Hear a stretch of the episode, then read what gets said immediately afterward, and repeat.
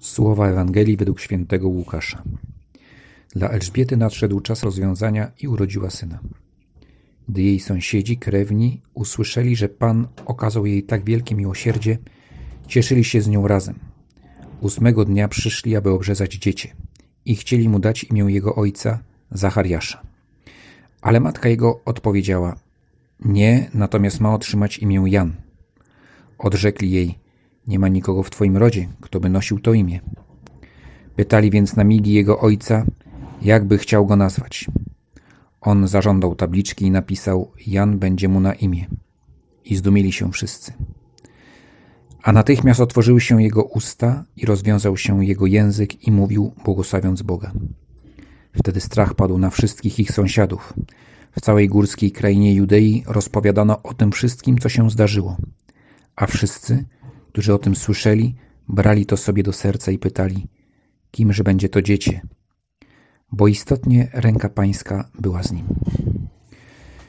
Cieszyli się razem z Elżbietą i razem z Zachariaszem. Święto oznacza, że ludzie cieszą się razem. Stało się coś ważnego i to ważnego dla wszystkich. Radość Elżbiety stała się radością jej sąsiadów. Ale cieszą się z Elżbietą, bo ona ma naprawdę powód do radości. To nie jest głupkowata zabawa z okazji braku okazji. Bóg okazał jej swe miłosierdzie.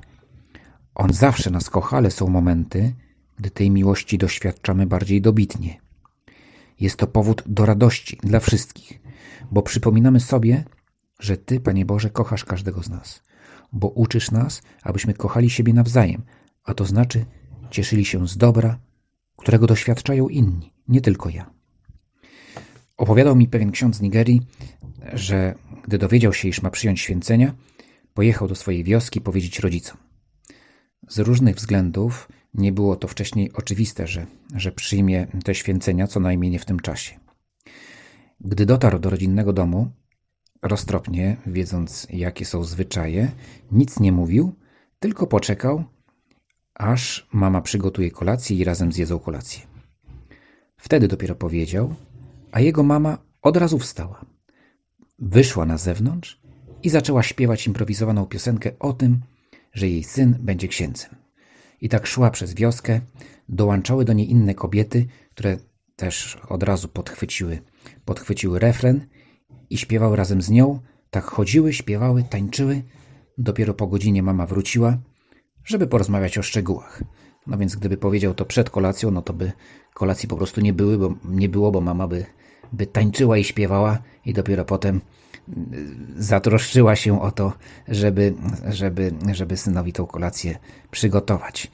Ale, ale oczywiście ta radość, którą się natychmiast zaczęła dzielić, to jest wzruszające, jak natychmiast swoją radością chciała się podzielić z innymi, a równocześnie inni zrozumieli tą radość, zrozumieli jej powód i świętują razem.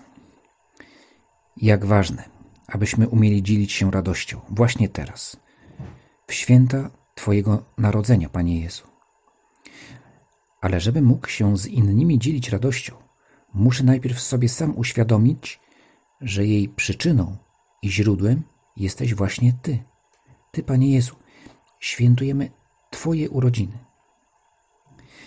Jak ważne, abyśmy umieli cieszyć się razem. Jak ważne, aby jednoczył nas Bóg. Popatrzmy na Zachariasza i Elżbietę. Jak mają, jakie imię mają nadać swojemu dziecku?